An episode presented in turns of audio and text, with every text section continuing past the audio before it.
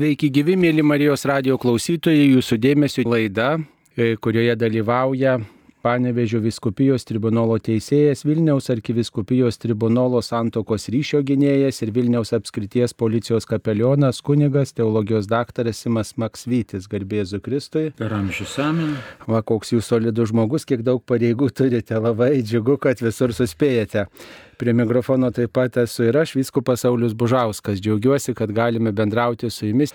E, štai jau mes turime keletą žinučių, kurios atėjo dar prieš laidą. E, viena klausytoja klausė, įdomu, ar visi Lietuvos tačiatikiai perėjo į Konstantinopolio patriarkato jurisdikciją. E, ne, ne visi, tik tai keli turbūt, dalis, nedidelė dalelė perėjo, nežinia kaip toliau, įvykiai plėtosis, klostysis. E, žodžiu, tai yra toks jautrus klausimas, kaip ir kitose kraštuose, vienoje teritorijoje egzistuoja keli kelios tos jurisdikcijos, e, keli patriarchatai vienoje teritorijoje, yra skirtingas pavaldumas, bet ta pati stačiatikių bažnyčia, tas pats tikėjimas, tačiau skirtingas juridinis pavaldumas. Taip ir Lietuvoje tikriausiai taip pamažu formuosis. Sunku pasakyti, kaip čia toliau viskas klostysis. E, gražu, kad domitės ir svarbu melstis, nepaliauti melstis už krikščionių vienybę, nors e, pastaruoju laiku turbūt ta malda už krikščionių vienybę tokia gal sunkesnė, sunkiau išsprūsta, tačiau vis tiek yra tas ir Kristaus mm, kvietimas, ir, ir linkėjimas, ir prašymas, kad visi būtų viena. Ir tas papiktinimas, kad krikščionys yra susiskaldę ir kad, mm, štai pavyzdžiui, Ukrainoje, kad to paties tikėjimo žmonės mm, nesutarė ir, ir tiesiog yra su nu, va, tiesiog kaunasi ir, ir, ir, ir, ir skriaudžia e, tarpusavyje vieni kitus, tai vieni gindami savo kraštą, teisėtą ginti naudodami, kiti puldami, paveikti ideologijos ir, ir, ir priešiškumo, bet to paties tikėjimo žmonės, tai yra tikrai papiktinimas ir didžiulis skandalas. Tai tikrai melstis už tai, ką belieka ir vis tiek svajoti, melsti, kad krikščionis ateityje kažkokiu būdu pasiektų tą vienybę. Turbūt sunku suprasti mums žmogiškų protų, kaip tai gali būti, tačiau, tačiau už tai melstis turbūt turime. E, Na va, dabar žiūrime dar kokių žinučių mums atsiųsta. Ką reiškia e, Luko Evangelijos eilutė akmuo, kurį statytojai atmetė, tapo kertiniu akmeniu? Štai toks klausimas.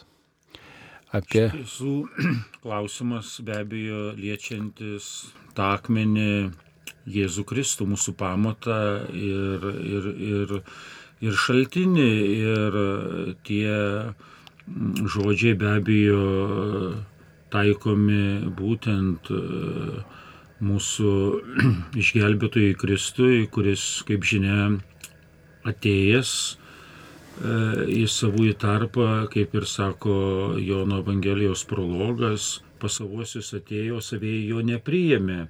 Ir žinome, kad Jėzų gyvenime daug kas nepriėmė, šalinosi ir žinoma daug kas ir priėmė ir, ir sekė paskui Jėzų ir, ir visai buvo, bet galiausiai visa tai, kas atrodo buvo kažkieno neikta, nepriimta, jis tampa tuo pagrindu, tuo šaltiniu ir ypač e, Jėzaus galiausiai prisikelimas tampa tuo nepajudinamu akmeniu ir ta viltimi mūsų visoko pagrindu, kai iš tiesų jis e, mums tampa gyvenimo ir išganimo šaltiniu.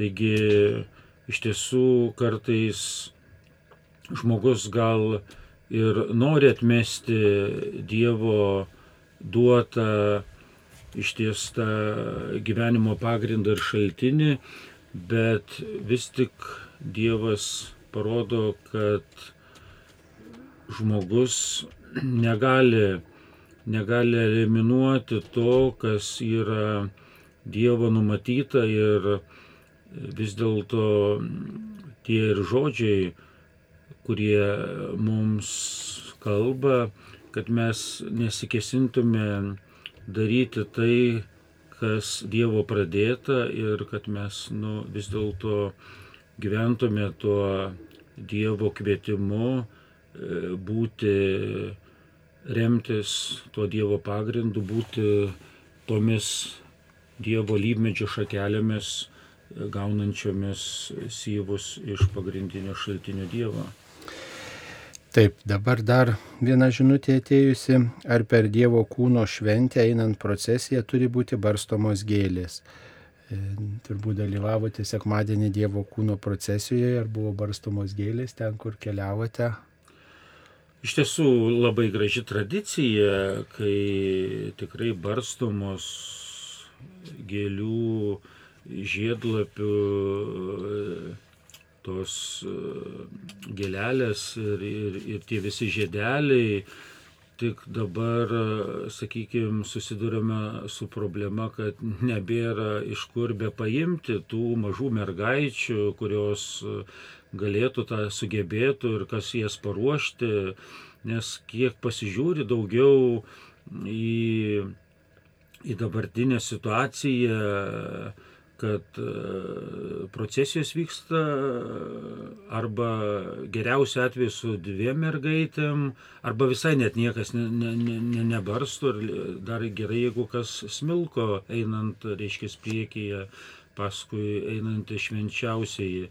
Bet e, nežinau, kaip kitose šalyse ta tradicija, ji ko gero irgi būtų įvairi, bet uh, Bet iš tiesų aš manau, ta tradicija ji dar gyvuoja ir ji palaikoma ypač ten, kur galima sutelkti to jaunimo, tų mažų vaikų, mergaičių.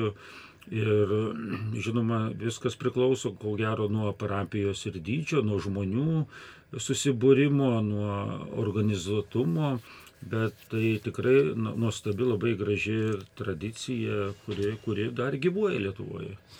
Reikėtų gal tą turi būti pakeisti, gali būti turbūt, gali būti, nes jeigu nėra kam barstyti, tai ir nebus barstoma.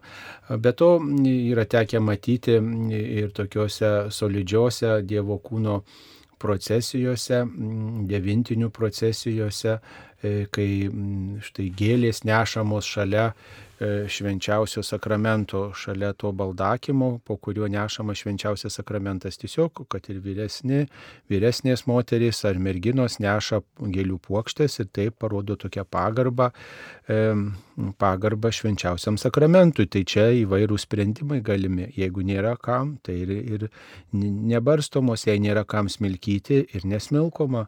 Arba, pavyzdžiui, smilkytuvas nėra, kaip sakoma, užkuriamas, ne, nesuspėta laiku uždegti smilka, angliukų, kurie dedami į smilkytuvą, neparuoštas smilkytuvas, tai tada ir nesmilkoma. Tai kokia čia problema? Svarbiausia, kad būtų išlaikytos mišių galiojimui pagrindinės tos dalys. O procesijos, tai čia pagrindinė mintis yra ta, kad mes sekam paskui Kristų, iš jo mokomės ir norim paliūdyti savo tikėjimą ir, ir pagarbą parodyti. Tai turbūt įvairios tos procesijos yra buvę ir tikriausiai įvairios jos ir bus. Tai mm, pagal žmonių papročius, pagal laikmečio dvasę, pagal dalyvių skaičių, pavyzdžiui, jeigu nėra kam nešti vėliavų, jos tiesiog nenešamos. Jeigu nėra kam nešti baldakimo, jis nenešamas, bet jei kunigas mato, kad tikrai yra keli patarnautojai, na tai tiesiog jie neša kryžių, jie neša ten mm, galbūt žvakę, jie neša gal, gal smilkytuvą, gal mm, gal šiaip pagarbiai eina šalia kunigo um, tokia vat um, pagarba parodydami ir, ir kunigas vienas apneša švenčiausiai sakramentą apie bažnyčią arba nueina nuo vieno taško iki kito, nuo bažnyčios iki koplyčios ar nuo koplyčios iki bažnyčios čia kaip jau yra ten įprasta vienoje ar kitoje parapijoje. Tai čia nereikia e, manyti, kad tai privalo būti ir viskas, ir ugnis vanduo taip ir bus. Bet jeigu matom kokios situacijos parapijose, tai elgiamasi pagal aplinkybės. Taip, dar žiūrime, kokios žinutės mums yra atsiustos. Nu va vis čia apie miestelį Italijoje. e, kur vyksta Marijos apsireiškimai. Mergelės Marijos statula verkia kraujo ašaromis, ar jie patvirtinti, ar juos galima platinti. Mm, štai toks klausimas.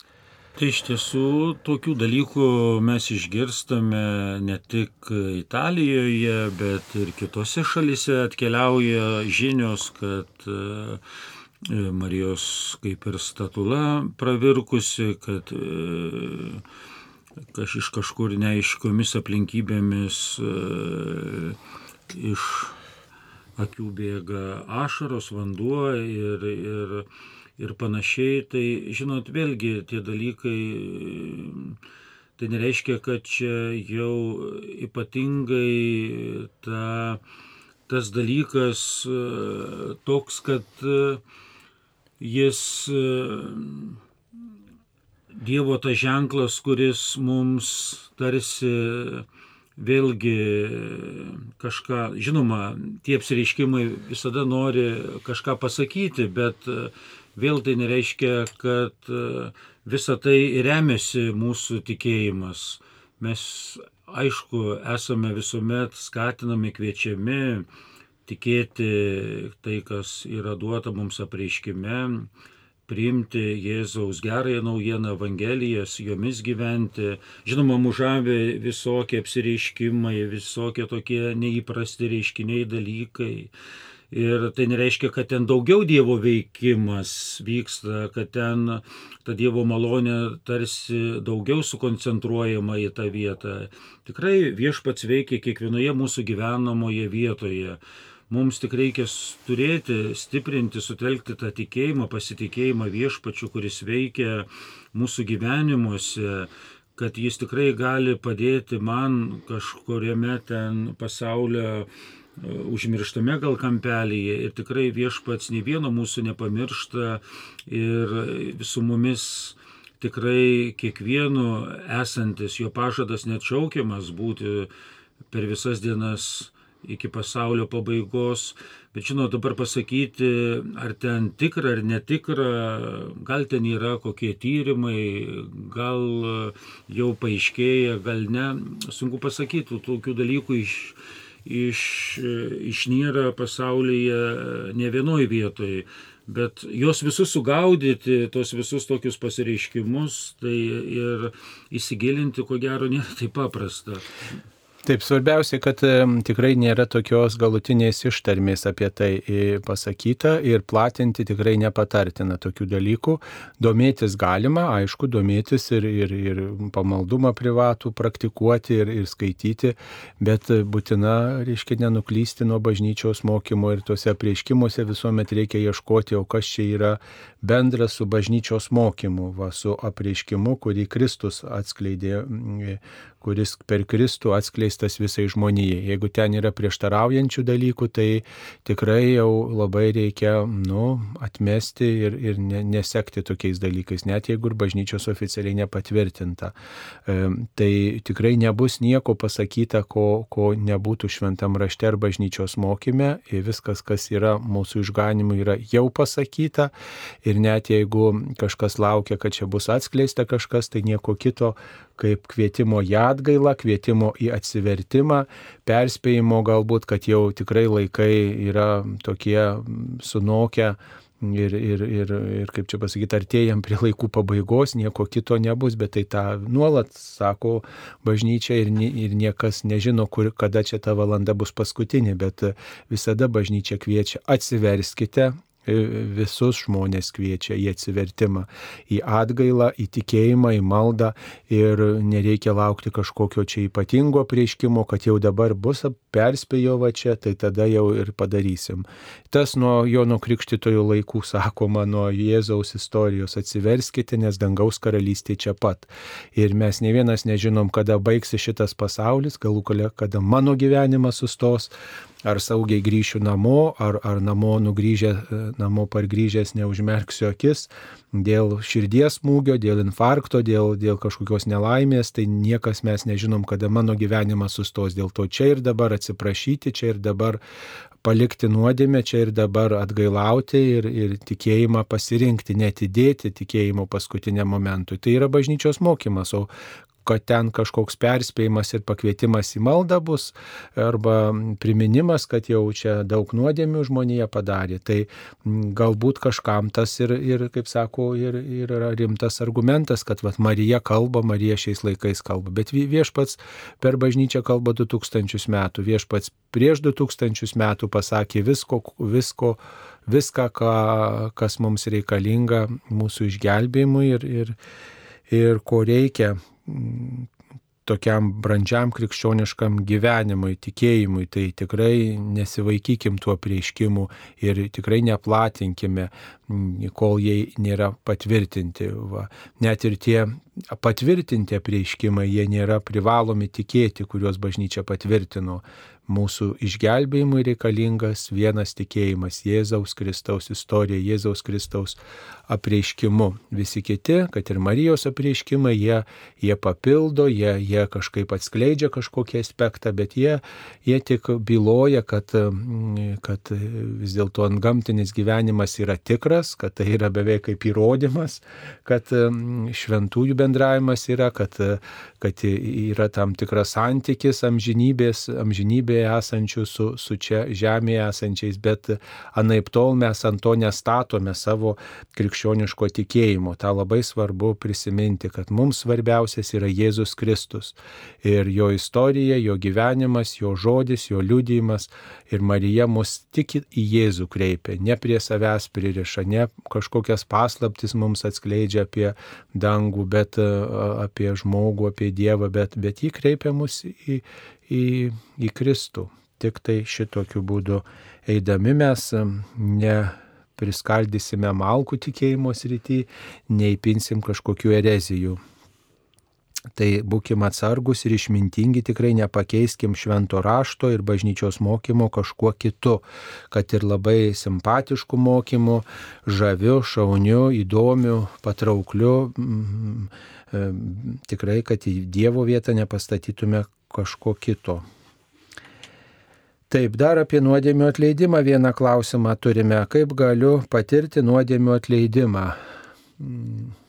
Ar tas patiriama kažkaip?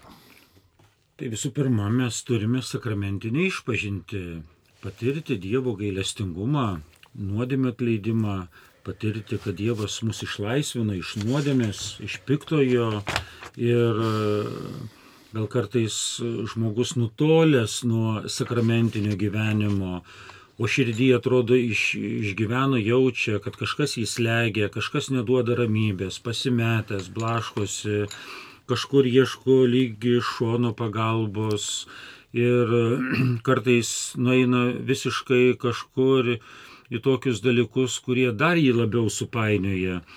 Bet tikinčiam žmogui, tas, kuris siekia Dievo artumos, jis tikrai suvokia, kad tas duotas jam sakramentinis gyvenimas tai yra ir kelias į Dievo vaikų laisvę, artėjantį viešpatį.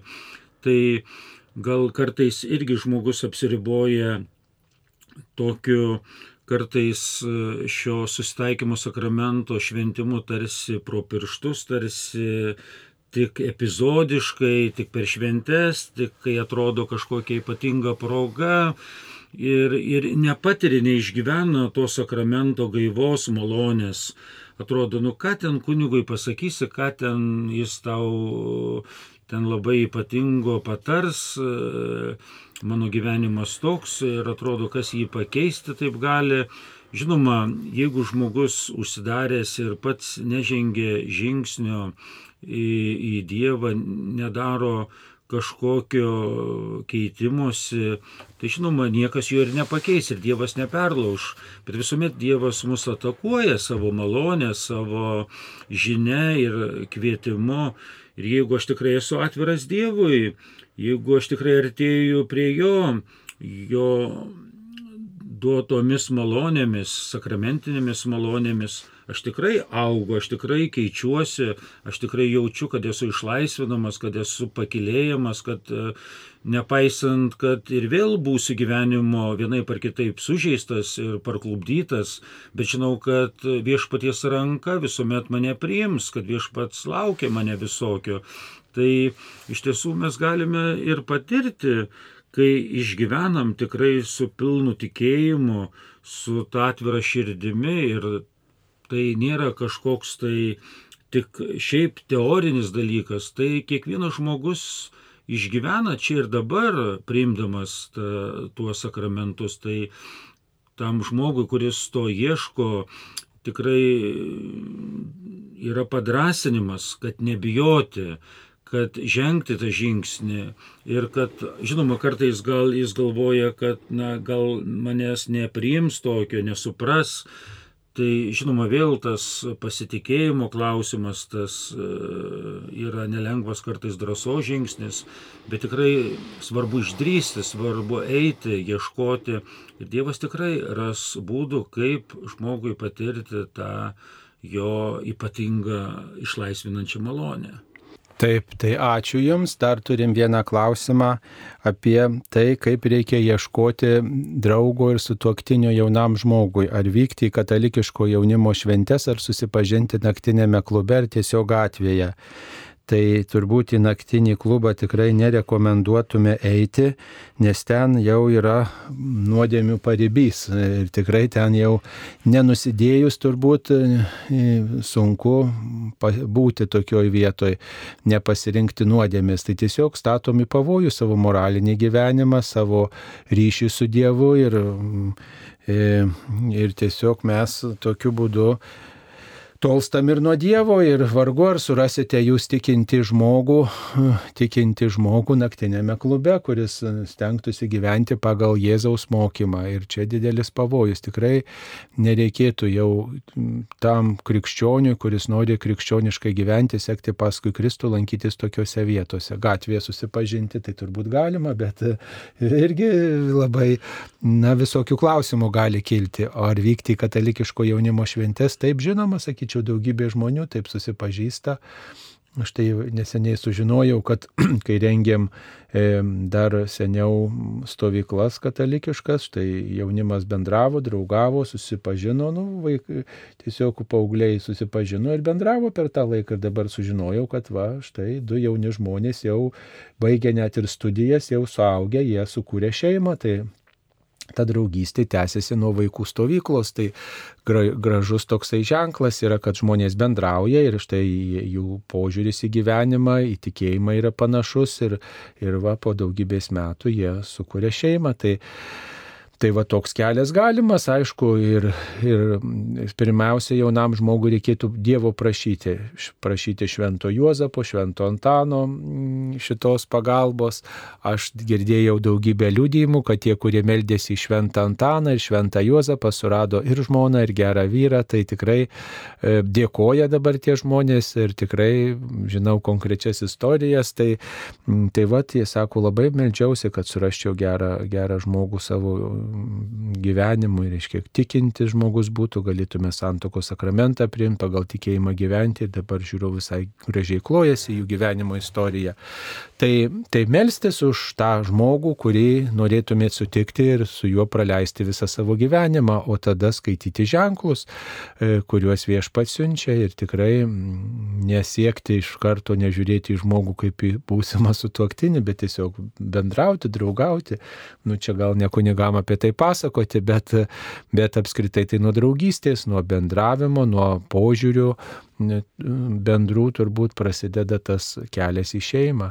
Sako, tuoktis galima tik tai tada, jeigu mūsų sutampa trimis, trijose srityse mūsų požiūris. Tai Dievas, vaikai ir pinigai. Jeigu mes panašiai svarstom tais klausimais ir tikrai mūsų esminiai požiūriai sutampa, tai tada galima svarstyti apie bendrą ateitį. Na va, tai nebent kal pridėsit ką. Labai tikrai geras paminėjimas, jog vertėtų kreiptis ir šventą Antaną, kuris ieško ne tik daiktus, bet padeda iš tiesų ir, ir tokiuose dalykuose susigaudyti ir atrasti savo antrą gyvenimo pusę Tai man toks anksčiau net skaitytas liudijimas, e, reiškia, kai viena mergina pasidėjusi švento Antano statulą, meldėsi, meldėsi, kad e, padėtų surasti savo antrąją gyvenimo pusę, sutoktinį, bet aišku, ta malda kaip ir nepasiekia, atrodo, niekas nesikeičia, ji niekaip nesuranda ir jau atrodo nusivylusi, atrodo nieko ir tas šventas Antanas negali padėti.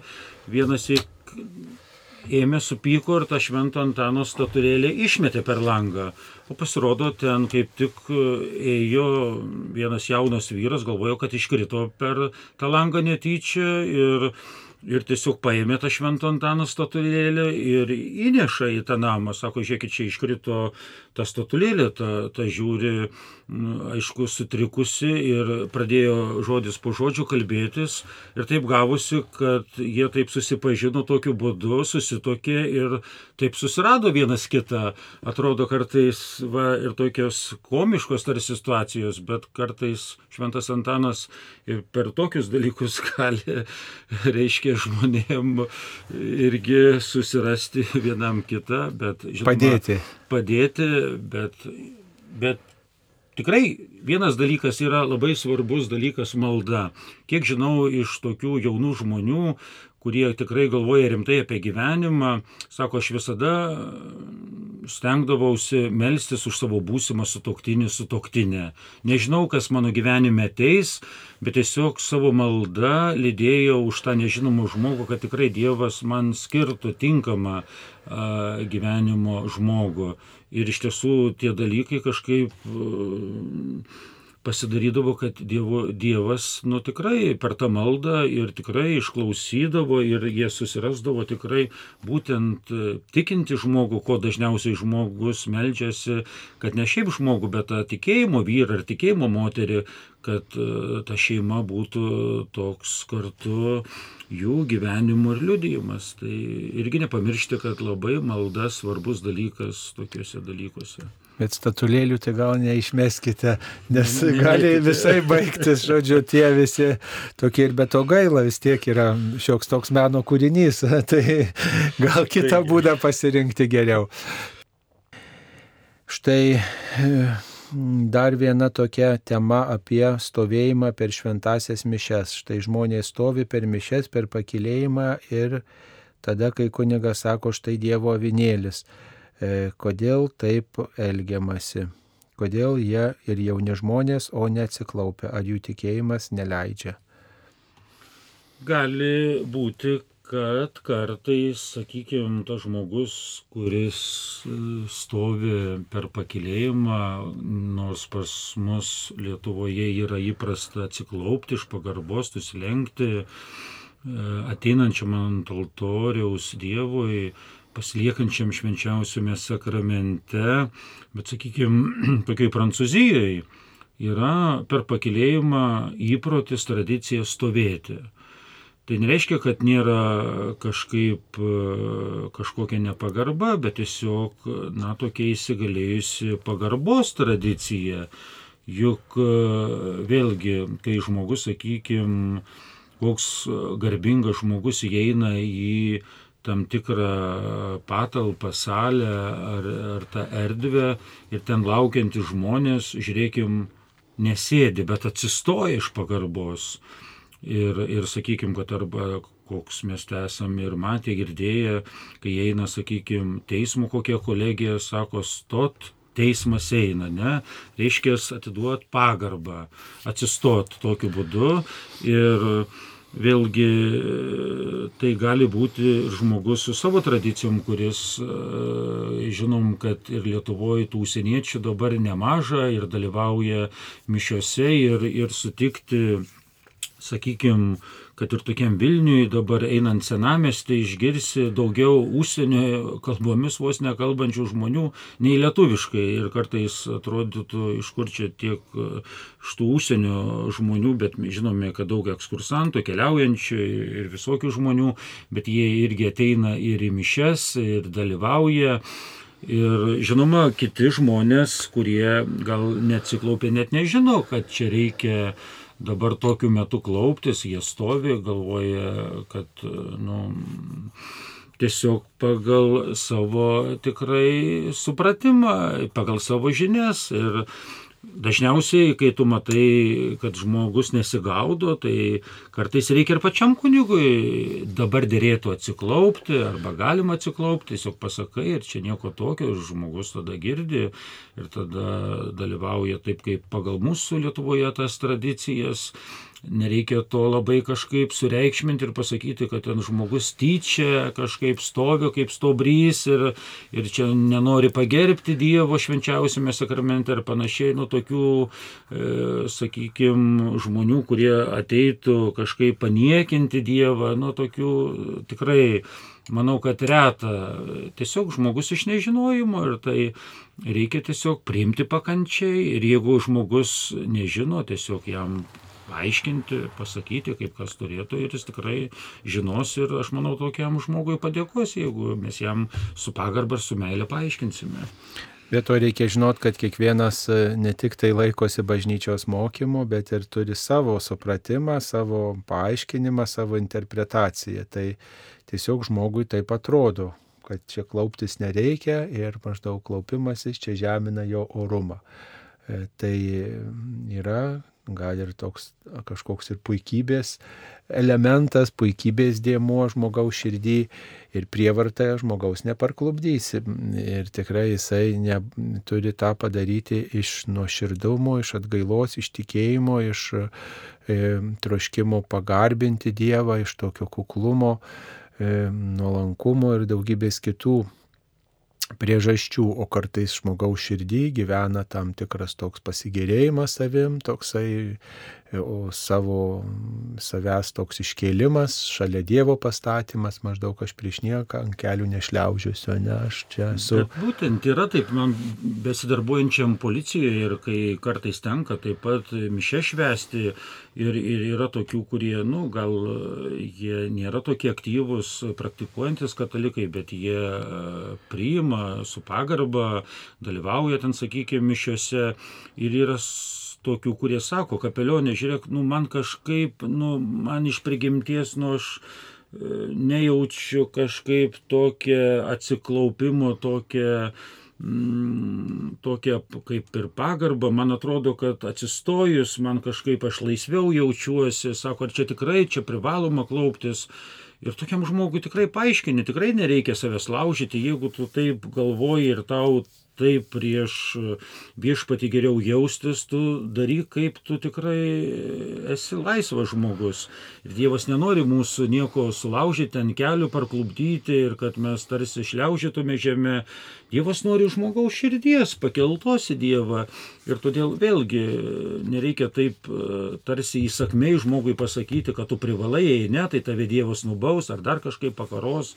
Nu tikrai ne. Tai visuomet žmogui reikia jam, žinoma, paaiškinti paaiškinti, bet kad jis išgyventų tą Euharistiją, tą toj liturgijai buvimą tikrai tokia atvira laisva širdimi. Taip, ačiū, mums paskambino Marija iš Telšių. Taip, Marija, jūs eterija, klauskite. Garbė Jėzui Kristui. Per amžius. Aš norėčiau paklausti. Mano dukra palaidojo prieš 19 metų kūdikį ir jinai iki žoninių šventės niekada nesulauko nei vieno obolio. Jinai sako, kažkur girdėjus, nežinau ar tai, sako, kad Marija per žolinius dalyja kūdikiams obolius ir mano vaikas negaus. Kiek pagristas tiesos ten. Ačiū už atsakymą. Taip, oboliai, žolinė ir kūdikis. E, tai nėra pagristas e, kažkokiu bažnyčios mokymu, tai daugiau yra, nu, tokiam legendų lygmenį ir, ir tikrai tokie daugiau prietarai yra.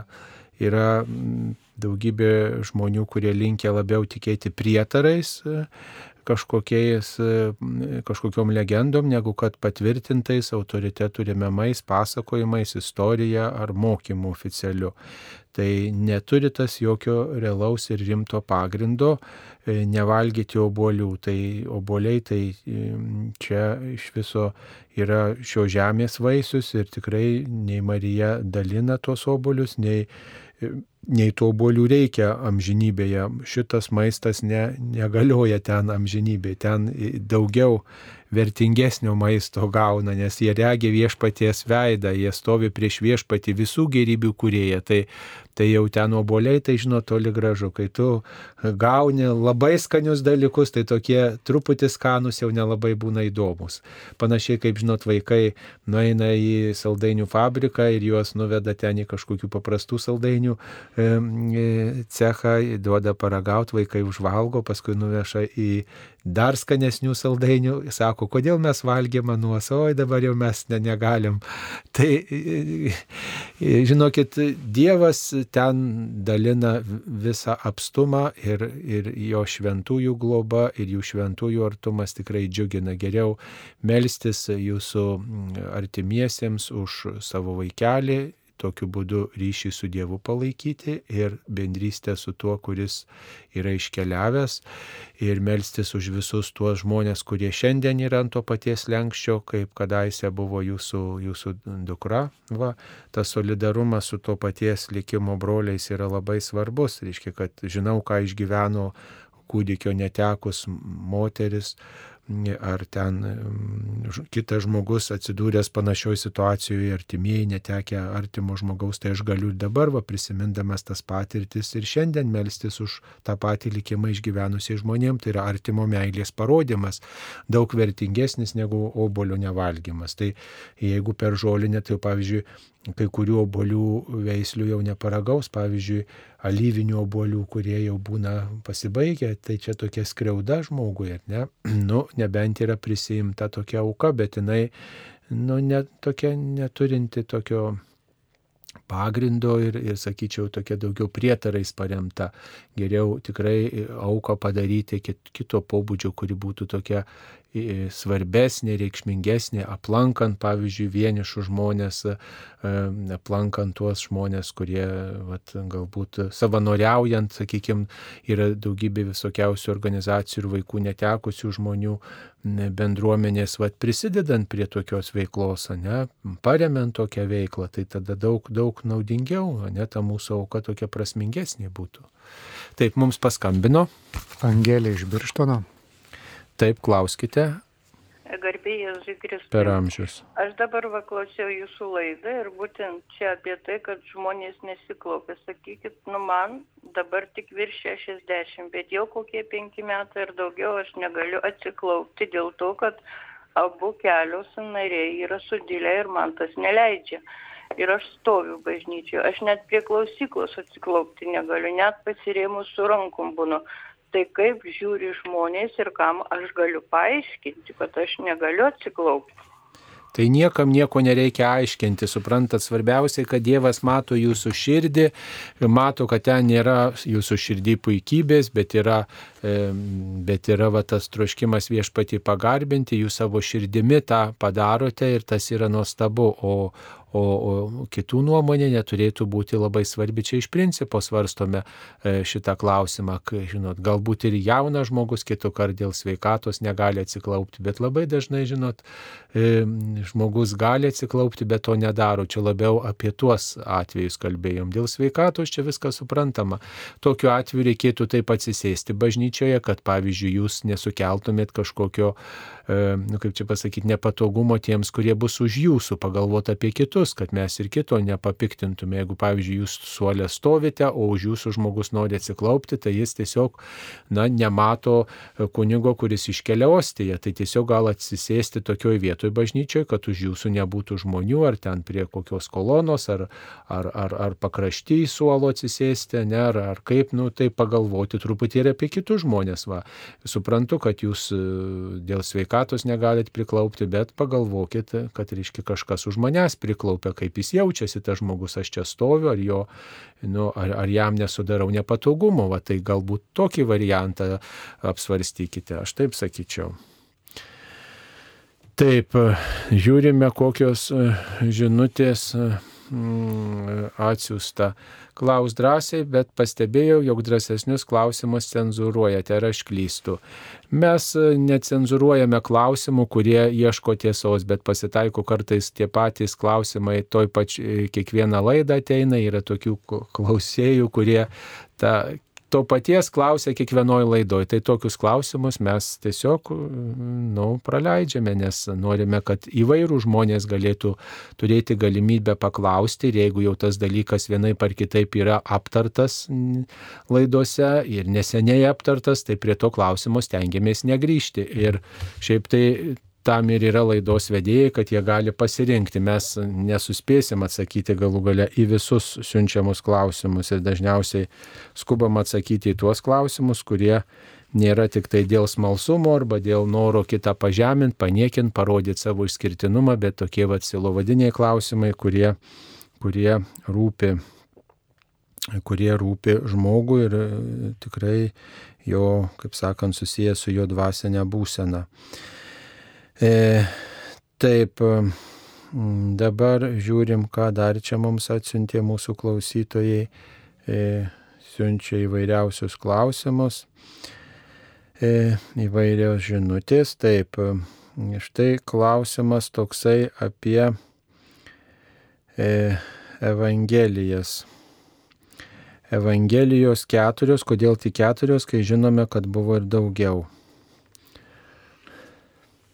Tos keturios Evangelijos, jos vadinamos kanoninės, nusistovėjusios, tos, kurios būtent siekia apaštalų e, gyvenimus. Po paskutinio apaštalo būtent e, apaštalo ir evangelisto Jono mirties vat, atsiradusios kitos uh, Evangelijos, taip vadinamos apokrifiniai raštai, e, laiškai ar Evangelijos, jie jau yra už to vadinamo nustatyto kanono. Šiaip e, tos Evangelijos, e, kurios mus pasiekė, gali būti vėliausiai kažkur iki 125 metų po Kristaus.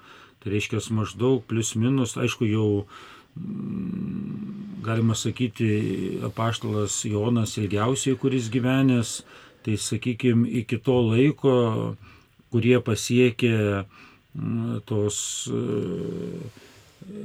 būtent Evangelijų vietos ar ten atskiros, jos tikrai gali būti autoritetingos, patvirtinančios, kad vis dėlto yra visa tai, kas išliko, reiškia, yra įkvėptas tekstas, patvirtintas bažnyčios ir tai, ką mums perteikė tos keturios e, Evangelijos, iš tiesų jos mums byloja apie tai, kad e, jos yra siekiančios apaštų laikus, kad e, jos priimtos gali būti su visišku tikrumu ir panašiai.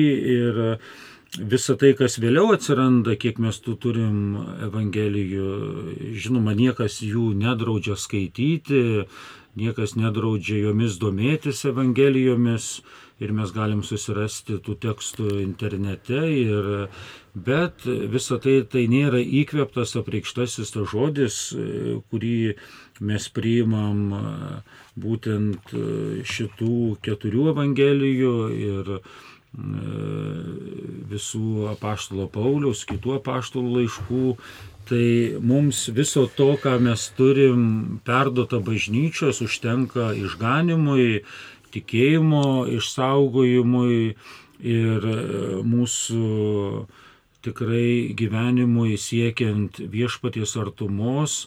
Žinoma, mums knieti sužinoti vis kažko daugiau, kaip ten vyko, kas Kristaus gyvenime, norisi daugiau tų detalių, visokių smulkmenų ir atrodo tai žadina mūsų smalsumą ir atrodytų, kaip ten viskas iki smulkmenų vyko, bet e, vis, vis tik tai nereiškia, kad mes e, stokojam, turim nepilnai suprat, neturim pilno supratimo apie viešpaties mum paliktus žodžius, jo darbus, jo gyvenimą.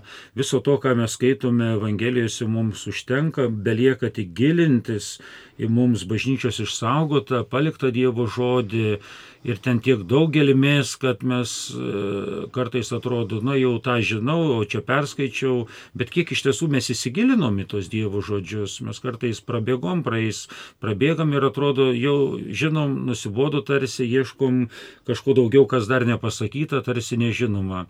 Bet iš tiesų labai klystam ir, ir susitelkt svarbiausia į tą Dievo žodžio pažinimą ir kad mes įsigilintume ir kad ten tikrai kiek turim daug atrasti ir tai mūsų didžiulis penas sielai.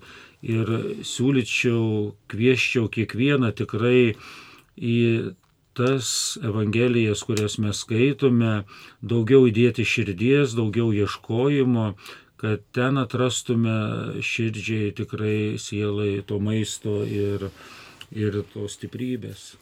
Taip, ačiū mums paskambino. Aldona iš Kretingos. Taip, Aldona, klauskite, jūs eterija. Sveiki. Sveiki. Tuokėsi, toks klausimėlis, tuokėsi teisėti, tikintis, pagyvenę našliai. Nori priimti bažnytinę santuoką, santuokos sakramentą. Ar jiems būtina lankyti bažnytiniai santuokai būtinus kursus? Ačiū. Vėl. Ačiū.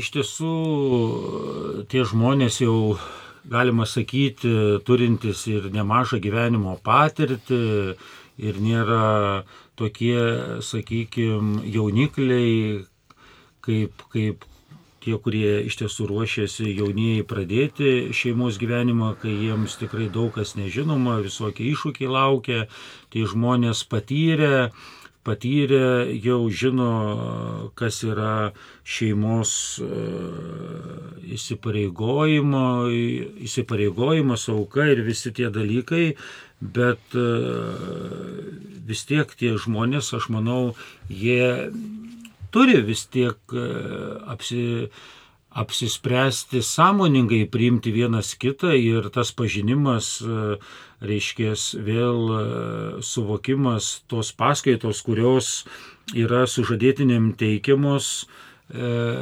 praturtina tie visi dalykai, tos žinios, gal tie visi kursai nebus tokie jiems naujiena, daug ką jie tikrai patyrė iš savo patirties gyvenimo, kažko naujo neišgirs, bet iš tiesų aš manau, kunigas paskatino juos taip pat prieš santoką atsakingai žengti žingsnį ir truputėlį dar pagilinti žinias, nes tuose kursuose yra žvilgsnis į šeimą tiek iš psichologinės pusės, iš iš e, sociologinės, iš, iš kitų pusių žvelgimas ir suvokimas, kas yra žmogus, kas yra šeima, koks tikslas ir visa kita.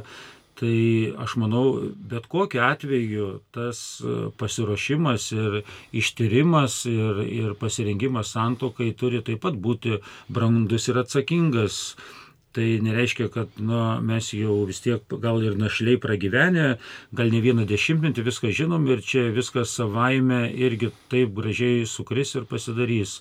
Tai vis tiek tas, kuris kunigas juos tuokia, ruošia, aš manau, kad turi perteikti jiems taip pat irgi tą e, suvokimą, kad e, yra būtent reikalingas irgi atsakingas žingsnis, ne taip tarsi viskas savaime suprantama, bet kad nu, vis tik būtų atsakingai einama į šeimos gyvenimą. Taip, dabar dar viena žinutė mums apie rekomendacijas, kokiu rekomendacijų imtis dvasinėje kovoje prieš aistras ir blogas mintis. Žinot, tų rekomendacijų, patarimų yra įvairiausių ir tų minčių žmogus e, dienoje kiekvienas išgyvena nuo pozityvių iki neigiamų ir, ir toks žmogaus yra pasaulis, kad e, jis atakuojamas iš visų pusių, kad jis e, yra ir draugiai takojamas ir gerais pavyzdžiais, ir blogais pavyzdžiais. Vis tik e, žmogus e, turi suvokti tai, kas jį pasiekė ar žodžiu, ar darbu, ar mintimi turi būti ištirta. Ir tai, kas gera priimta, o kas bloga atmetama. Ir mes nesam nei vienas apsaugoti nuo neigiamų minčių ar, ar negerų minčių. Ir jeigu mes e, save sugaunam tose mintise, esame kviečiami reiškia atmesti ir kovoti su tokiomis mintimis ir blogomis aistromis ir panašiai. Ir tai kartais atrodo nėra lengva, kartais lyg ir braunasi tokia negera, įkyri mintis ir nepleidžia, atrodo persiekioja ir visa kita. Kartais žmogus netaip lengva ir susitvarko. Bet vėlgi, kaip tikinčiam žmogui yra labai svarbu išgyventi tikėjimu ir malda ir tiesiog prašyti viešpaties, kad jis būtų gyvenimo šaltinis, gyvenimo vaduotojas, stiprintojas, palaikytojas ir mes draugė kartu prašome, kad viešpat saugotų mus nuo blogos įtokos, nuo to, kas mus iškreipia iš tiesos kelio ir žinoma taip pat įdėti savo pastangas. Jeigu aš save sugaunu ten, kur negerai einu, mastau, galvoju, tiesiog turi save stabdyti ir sakyti, tikrai čia ne tas kelias, kuris veda mane į šaltinį Dievą, kad aš turiu to vengti, turiu tą atmesti ir galvoti tai, kas pozityvu, kas yra reikalinga, verta ir išganinga. Tai žinoma, gyvenimo kova, kiekvienas susidurėm ir kiekvienas atrodytų savus būdus randam.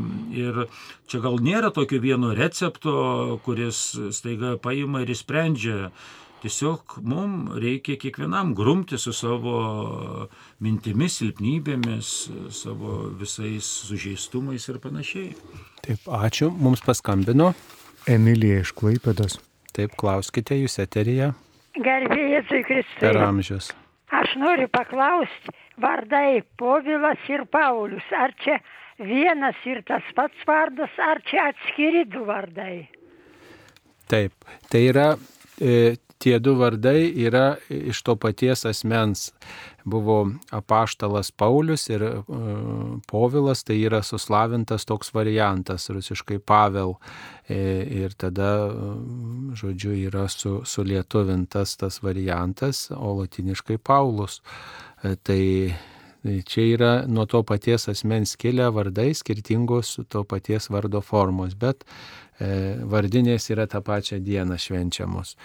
E, Birželio 29 dieną Petras ir Paulius minimi. Taigi, dar viena žinutė. Modernių technologijų pagalba yra sukūriamos mirusių žmonių nuotraukų vizualizacijos. Birželio 14 buvo rodomos tremtinių vizualizacijos. Ar tai nekenkia mirusiųjų sieloms? Taip, tai nekenkia mirusiųjų sieloms, ypatingai jeigu norima tik parodyti žmogaus istoriją, supažindinti su, su mastais tų trėmimų ir apskritai su žmogaus gyvenimo keliu. Jeigu ne, nenaudojama kokiems kitiems tikslams, tai tikrai yra galima naudoti. Jeigu žmogus naudoja kažkokiems tikslams ezoteriniams, dvasiniam gyvenimą iškreipiančiais tikslais, noriu iškviesti mirusius, tada mes pakenkiam savo, bet ne mirusiems, pakenkiam savo, nes e, neaišku, kas prisistatys ir, ir kaip mes susisieksim su anapusybė. Tik tikėjimas Dievu, tik tai ryšys su Dievu, maldos gyvenimas yra teisingas santykis mm, su anapusybė. Kai kreipiamės į Dievą, kai švenčiam sakramentus, tai tikrai esam apsaugoti, nes Dievas tą kelią mums ir paliko.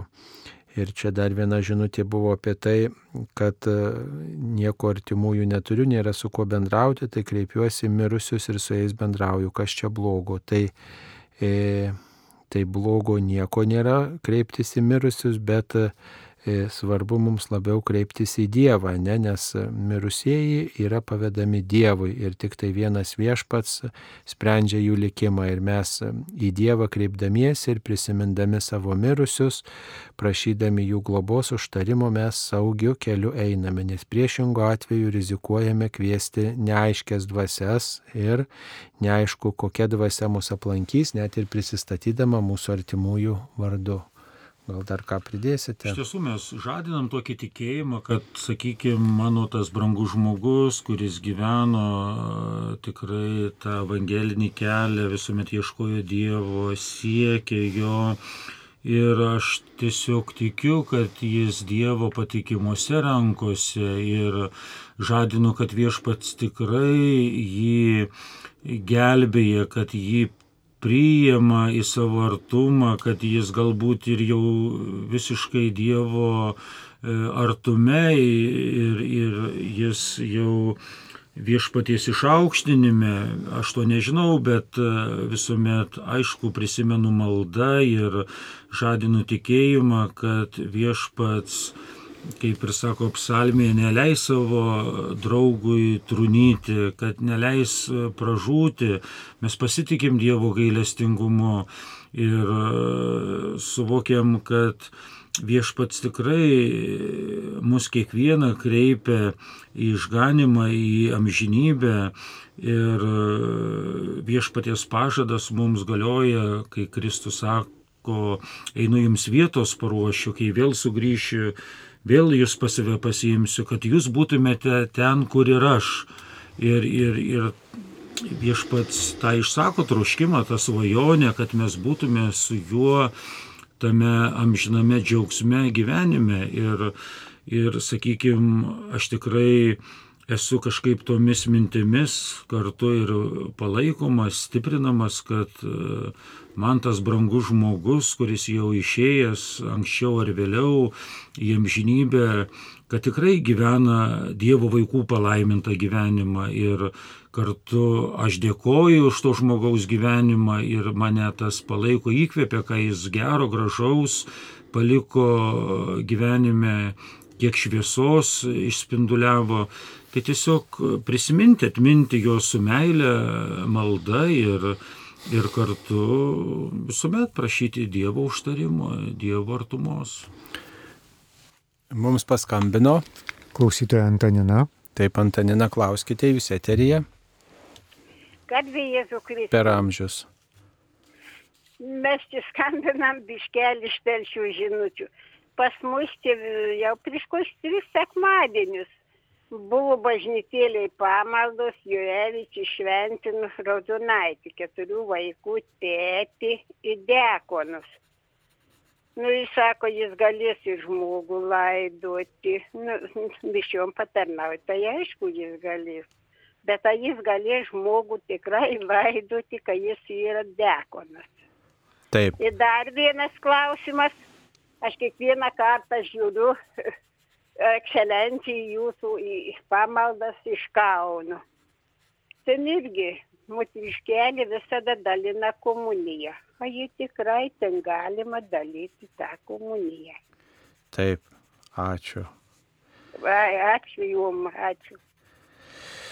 Tai e, komuniją gali dalyti ne tik tai vyrai, bet ir moteris, jeigu yra e, praėję, praėję tie žmonės pasirengimo kursus tam tikrus, duodamas leidimas, e, taip yra visame pasaulyje, aišku, dažnai tai būna kad dalina sesuo vienuolė arba tinkamai pasirengus, pasiruošusi moteris, kuri tikrai gyvena sakramentinį gyvenimą ir tikrai už ją laiduoja klebonas. Ir tai e, tiesiog padeda kunigams išdalinti greičiau švenčiausiai sakramentą, kad pamaldos neusitęstų, ypatingai kai daugiau pamaldų dalyvių. Bet aišku, kartais pasitaiko, kad gal tuo truputį ir piknaudžiaujama, kai kai tiesiog yra pakankamai tų pašventintų komunijos dalintojų, kunigų, diakonų, ir, ir tikrai kitaip pasirengusių okolitų, tai ir pasauliečiai dalina, arba kai, sakykime, tie pašventinti tarnautojai nedalina, jie tiesiog meldžiasi, tai dalina pasauliečiai. Tai,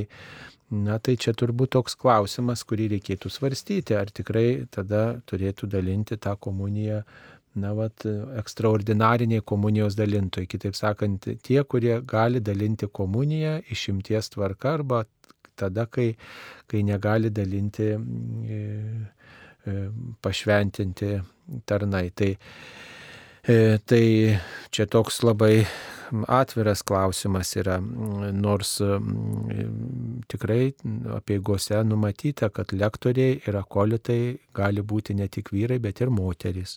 Ir neša komuniją ligonėms moteris. Taip yra visam pasauliu, taip ir Lietuvoje gali būti, tik aišku, tos moteris turi tinkamai pasirenkti. O dabar apie diakoną, tai reikėtų pasakyti, kad diakonas tai liaudiškai vadinasi taip jau tokių žargonų puskunigis, pusė kunigo, nes pusę sakramentų gali teikti. Tai kitaip sakant, yra tie diakonai, kurie e, tokie pereinantis, kurie laikinai diekonaujantis, ne kurie ruošiasi kunigystėj, Tai va jie praeina visus šventimų laipsnius iki kunigystės ir va diekonystė toks irgi laikotarpis, kai jis išmoksta tarnauti, išmoksta švesti kai kuriuos sakramentus, tampa kunigu, tada dar daugiau švenčia sakramentų. O, o yra tokie mm, diakonai, kurie vadinami nuolatiniai diakonai. Tai jie nesiekia kunigystės, jie pagal bažnyčios tradiciją va, tokiai tarnystėj pasišvenčia kažkurioje srityje ypatingai, bet patarnauja bažnyčioje teikiant kai kuriuos sakramentus. Tai yra sena bažnyčios tradicija turėti tuos vedusius diakonus, jie gali krikštyti, jie gali tuokti, jie gali sakyti pamokslą, homiliją, skelbti evangeliją, skaityti ir ir taip pat gali laidoti. Tai, tai tikrai yra galiojantis palaidojimas ir tikrai gali laiminti ir bažnyčios vardu tą daro ir turi šventimus. E, tai tokia bažnyčios tradicija ir kartais e, žmonėms atrodo keista, kaip čia vedė žmogus, e, dirbantis kažkokį kitą darbą, bet štai tarnauja ir bažnyčiai, bet yra tokia, tokia praktika pasaulyje ir čia Lietuvoje ypatingai, kai mažėja kunigų, tai e, vedę diakonai galės labai patarnauti bažnyčiai. Taip, tai dar žiūrim, kaip suvaldyti sielos nerimą. Štai tokia žinutė atėjo, žmogui neramu, ką patartume.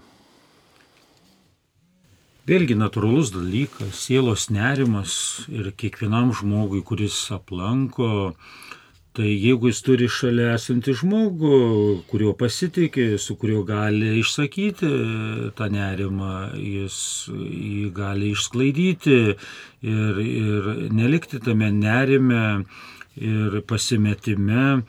Vėlgi, jeigu kalbam apie dvasios tos dalykus, žmogus ieško kažkokio sielos vadovo, dvasios tėvo ar panašiai, kuriam galėtų išsakyti, pasidalinti tuo savo sielos nerimo. Ir kartais gal net žmogus neturi kam pasakyti arba nežino, į ką kreiptis ir su kuo išsklaidyti tą sielos nerimą, bet vėlgi tas žmogus, kuris ieško, kuris uh, nesusitaiko su savo esama padėtimi, jis vis tiek rasta kelią, sako, ieškokite ir rasite, belskite ir jums bus atidaryta. Taigi tokiam žmogui visuomet yra e, toks kaip ir kvietimas, padrasinimas, e, tikrai domėtis ir bendrauti su, su tai žmonėmis, kurie teikia sielai pastiprinimą, atgaivą. Tai žodžiu labai toks paprastas patarimas. Visuomet ieškokite to, kuo galit pasitikėti. Tas, kuris tikrai kompetitingas patarti, padrasinti ir tikrai tie visi nerimai tai po truputį bus išsklaidyti. Mano dukra pagal sutuoktinio pageidavimą ruošiasi tuoktis evangelikų liuteronų bažnyčioje. Aš ir dukra esame katalikų tikėjimo, Negaliu susitaikyti su jos apsisprendimu, net kyla noras nedalyvauti santokos apieigose, kaip turėčiau tinkamai pasielgti šiuo atveju. Numatot, vėlgi tie, kurie susiranda savo gyvenime antrą pusę, nelabai klausia ir paiso tėvų ir žinoma visuomet tėvai artimieji nori, kad būtų to paties tikėjimo žmogus, kad e, būtų su visomis gražiausiamis savybėmis ir e, kas nenori e, būti ir siekti to, kas tikrai jo patenkina visus lūkesčius, Nu, bet kartais susiranda žmonės ir, ir skirtingos tautybės žmogų ir, ir nenaujiena, kad kito tikėjimo žmogus įsiterpia į to žmogaus gyvenimą, bet jiems uždrausti tuoktis niekas negali. Jeigu, sakykime, katalikas susiranda nekatalikišką pusę, tuomet į katalikiškai pusę įpareigojimas su pažadu, jeigu jis nori tuoktis katalikų bažnyčioje, kad iš to santokų santokos kylantis vaikai, ateinantis, jie bus krikštėjami ir auklėjami katalikiškai. Tik su tuo pažadu jis gali susituokti teisėtai ir galiojančiai katalikų bažnyčioje. Bet jeigu jis nesutinka, nu, jam tada belieka tuoktis tik civiliškai arba dar kokį pasirinkimą priimti. Ir vis dėlto kartais gal ir tėvams skauda širdis dėl tokio sunaus ar dukters pasirinkimo. Ir kartais atrodo, gal ir matai, kad jie iš tavo pusės negyvens, jiem nepavyks, nu ir dar kažkaip, nu. Bet vis tik, žinoma, tai, kas širdyje, natūralu, kad tėvai turi išsakyti savo pastebėjimus, savo matymus, Bet e, viso to nedaryti su kažkokiu pykčiu, nesantaika ir panašiai, užsispyrimu, užsisklendimu. Tai nėra geras patarimas nusišalinti nuo e, jų santokos ir kažkaip tarsi palikti, nors gal ir netitinka tėvų įsivaizdavimą, bet išsakius visus savo pastebėjimus, pastabas, vis tiek priimti jų pasirinkimą Mes nieko nežinom, kaip kas bus, kaip susiklostys, nu nebent ten iš viso būtų visiškai toks nesamoningas, nedekvatus pasirinkimas ar dar kažkaip. Bet jeigu tie žmonės sąmoningai, brandžiai renkasi ir tas skirtingas tikėjimas nu, negali sukliudyti jų santokos, bet kažkaip reikia vis tiek kalbėtis ir priimti kažkaip tokią širdimi, kad būtų galima toliaugi ir bendrauti, ir jiems susituokus, ne, nepasislėpti, nei kažkokį karą pereiti, nesantaiką, bet kaip tik į bendravimą ieškoti tų sąlyčio taškų. Gal jie nėra taip paprastai surandami, bet siekti to, kas veda į bendravimą, o ne išsiskirimą. Taip. Ačiū Jums.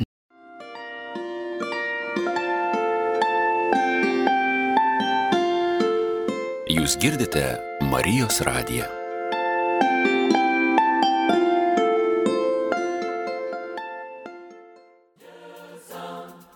Loué soit ton nom, tu es grand Dieu fort, et nous célébrons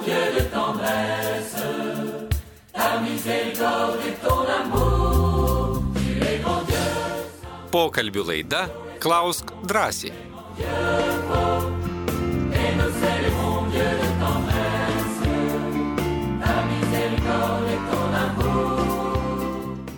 Susitinkame su jumis Marijos radio eteryje. Prie mikrofono esu aš, viskupas Saulis Bužauskas, taip pat laidoje dalyvauja Panevežių viskupijos tribunolo teisėjas, Vilniaus arkiviskupijos tribunolo santokos ryšio gynėjas ir apsk Vilniaus apskrities policijos kapelionas, kunigas teologijos daktaras Simas Maksvytis. Tęsėme atsakymus į jūsų klausimus. Ar nėra taip, kad Jėzus jau buvo atėjęs antrą kartą? Jis veikė per Faustiną, o žinia paliko nemažiau svarbu, kaip ir pirmą kartą. Jis žadėjo ateiti dar kartą kaip teisingumo Dievas. Tai jau būtų trečias kartas, ar nereikėtų mišiuose cituoti jo žodžių ir šventos Faustinos dienoraščio bei pačios Faustinos minčių. ne, nereikėtų cituoti mišiose Faustinos dienoraščio, nes e, Faustinos ir Jėzaus susitikimas buvo privataus pobūdžio. Kai ateis Jėzus antrą kartą, tai jau niekam nekils jokių abejonių, nereikės laukti niekino pripažinimo, aprobavimo, patvirtinimo, jokių tyrimų, jau bus akivaizdu, kad Jėzus atėjo ir kad kviečia, kviečia visus jau, kaip sakant, atsakyti už savo darbus. Mirus artimam žmogui, patarkite dėl gėlių ir artimojo daiktų namuose. Teigiama, kad keturnedėl, iki keturnedėlio negalima nieko liesti. Kaip pakomentuotumėte? Tai dažnas klausimas, tikrai žmonės kažkaip labai labai taip rimtai susirūpinę ir gilinasi, kaip čia elgtis, kaip daryti. Bet iš tiesų reikia labai laisvai elgtis ir neieškoti kažkokių prietarų, nes taip atrodo kažkas sakė, kitaip negalim nieko daryti, liesti ir panašiai. Nu, vis dėlto tai nėra kažkokia kokia tarsi šventa karvė, kur tu negali ten tiesiog nei prisiliesti ar dar kažko veikti ir tarsi sustingti ir pačiam užsikonservuoti ir pusiau mirti ar dar kažkaip. Iš tiesų tiesiog gyvenimas tęsiasi, reikia gyventi laisvą širdimi ir tvarkytis taip, kad tas gyvenimas nebūtų apsunkęs, o kaip tik, kad jis eitų vėl nesustojamai ir iš tiesų tai, ką reikia patvarkyti ar prie artimojo kapo, mes iš tiesų ir pasitvarkom taip, kad būtų gražu ir harmoninga ir nelaukti, kol ten pasidarys e, sudžiūvęs, e, sakykime, kalnas ir, ir tik nežinia, kada po metų tik pradėti judinti ar dar panašiai prisigalvoti. Tai tiesiog elgtis visur laisvai, daryti taip, kad tas gyvenimas tęstusi kaip ir tęsiasi. Žinoma, mes kažkaip išgyvenam tą netikti to žmogaus, atrodo, kažkaip norime pasilikti apmąstymuose. Ir tas pasikeitimas kiekvieną žmogų vienai par kitai paliečia, Bet vis dėlto mes kaip tikėjimo žmonės žinome, kad tas žmogus niekur neišnyko, neiškeliavo, kad jis yra Dievo rankose, kad jis yra amžinybėje, o mes esame to įkeliaujančioji bažnyčia. Tai visuomet e, žiūrėkime su protingumu, be prietarų ir tvarkykime gyvenimą, kad jis toliau būtų kuriamas, tęsiamas, kad jis nesustotų, kažkaip ne, ne, neužsikirstų, o žiūrėti šviesiai, gėdri ir su viltimi. Taip. Dar viena žinutė, per kiek laiko klierikas gali atlikinėti kunigo pareigas, nelabai suprantame klausimo. Klierikas atlieka tas pareigas, kurios e, jam patikėtos, ne, mažųjų šventimų dėka. Jeigu, pavyzdžiui, klierikas išvalo e, taurę po šventųjų mišių, tai reiškia, jis turi kolito jau skirimus, mažuosius to šventimus, kaip seniau sakydavo. Ir tol, kol negauna šventimų, tol jis ir atlieka tas pareigas. Arba jeigu jisai apleidžia seminariją, tai jis ir nebetlieka tų pareigų. Neaišku, ką turi, reiškia, klausimą pateikė žmogus žodį klierikas. Klierikas tai yra kleros, reiškia dvasininką, kunigą, ar ne? Mes gal kartais taip tokiu kaip ir vadinam seminaristą klerikų tokiu, kaip ir su tokiu avansu tarsi, arba kartais, kai pamato žmogus su sutana, reiškia seminaristai, jie tiesiog irgi pavadina kunigėliu, bet jis yra seminaristas, dar besiruošiantis, siekiantis būti kunigu ir žinoma, kunigas gali būti savo pareigose tol, kol niekas jo nesuspendavo, ar jis pats kažkaip neišėjo, ir, bet tą gal mintį turi mintį seminaristą, kad čia vis dėlto truputėlį tas klausimas yra tai, kad e, iš tiesų seminaristas gali atlikti tai, kas jo yra tarnystė, kas e, gali būti liturgijoje pasitarnaujama, bet ne tai, kad jis kažką užimti, kažkokias tai perimti, kažkokias kunigo tarnystės. Taip, ar mirtina nuodėmė, jei vaikai gyvena susituokę tik civilinėje santokoje, gimusi vaikelį pakrikštijo? E, Tai tikrai nuodėmės nėra, kad vaikelį pakrikštijo, nežinia, kodėl jie gyvena tik civilinėje santokoje, nepriėmė bažnytinės santokos, galbūt nėra tikri dėl to, ar toliau jie galės gyventi taip sakant, šeimoje, bet gimė vaikelis ir jie vaikelį pakrikštijo, tai tikrai galima vaikelį krikštyti net jei ir tėvai gimė, jeigu ir tėvai yra susituokę tik civilinėje santokoje. Tai Žinoma, tas, kuris kunigas e, priima krikštą, tarėsi dėl kūdikio krikštyjimo, turi pasidomėti situaciją tų tėvų. Jie kartais tikrai būna, kad ne- nesik turi galimybę susituokti. Ir jie paprasčiausiai gyvena civilinėje santokoje, niekas e, neriboja, nėra jokių kliučių jiems susituokti bažnyčioje, bet jie kažkaip, nu, sako, kada nors, kai čia biški pagyvensim, gal susituoksim, bet va, mums reikia vaiką pakrikštyti. Tai tada gilinėsi, ką tai reiškia, kad jūs turite galimybę gyventi katalikišką, krikščionišką gyvenimą susituokę ir krikštas nėra tai, kad pakrikštyji, o jie gyvena kaip nori arba gyvena visiškai nekrikščionišką gyvenimą.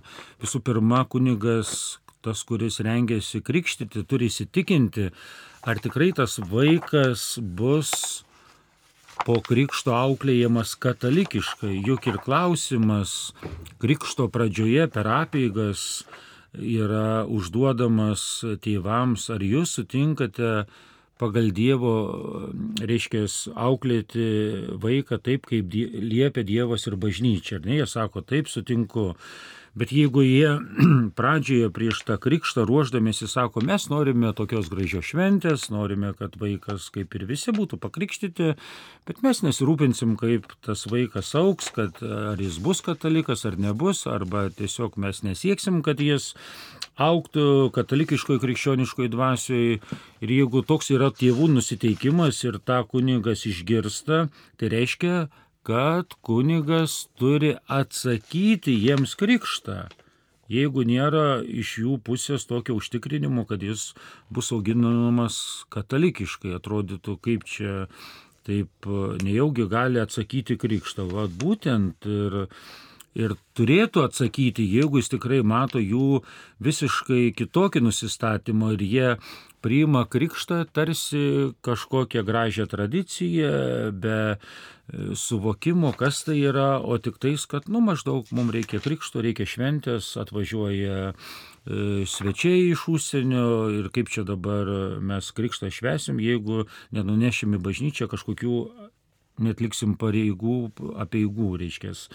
Taip, kad krikštas yra labai labai atsakingas dalykas ir kiekvienas kunigas turėtų labai rimtai su ta e, šeima kalbėtis ir tiesiog paruošti. Mes gal turim jau nusistovėjusią tradiciją ir jau viskas atrodo įauga į sąmonę, kad jau reiškia, sužadėtinius turim ruošti ir kad negali jie taip susigalvoję susitarę prieš savaitę imti ir susituokti, bet kad tai yra kursas.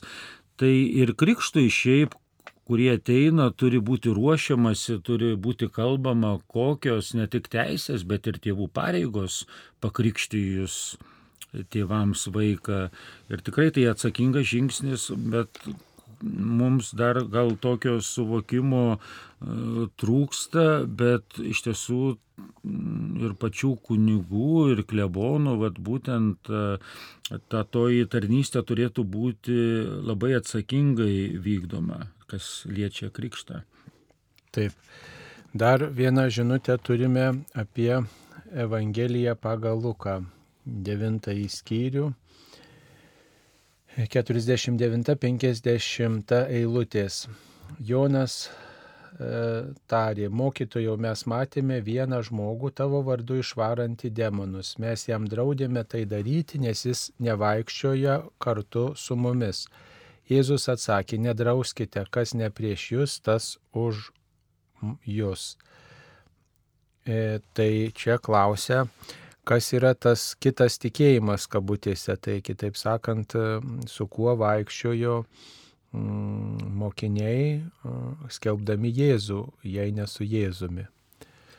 Turbūt apie tai būtų. Sunku pasakyti, kokie ten dabar įvardintume tikėjimo ar žmogaus kokios nuostatos ir, ir, ir kas ten konkrečiai toje situacijoje, bet tame pasakymė Jėzus neatstumė žmogaus, nereiškia, kad jis gal ten netitiko tų nusistovėjusių kažkokių tradicijų, tai nereiškia, kad jis jau yra, nus, turi būti nustumtas, pasmerktas, bet čia kaip tik tie žodžiai ir yra kvietimas, kad jis gal ir netitinka viso to pagal to meto visus tradicinius ženklus, bet jis gal ieškantis, einantis to Dievo suvokimo, prieimimo, reiškia, jeigu ne prieš jūs, reiškia, jeigu jis nenusistatęs prieš juos, tai reiškia, jis einantis link Dievo, link to šaltinio.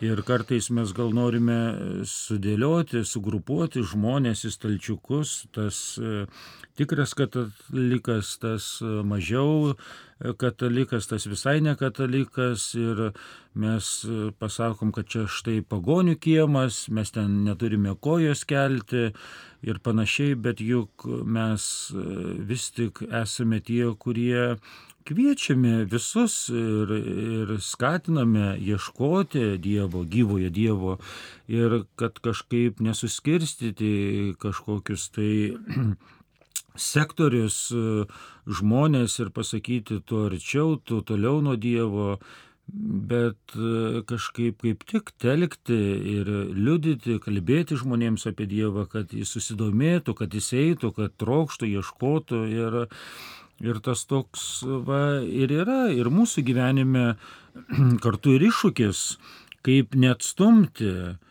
to žmogaus, kaip jį pakviesti, kaip jam perteikti tą tikėjimą.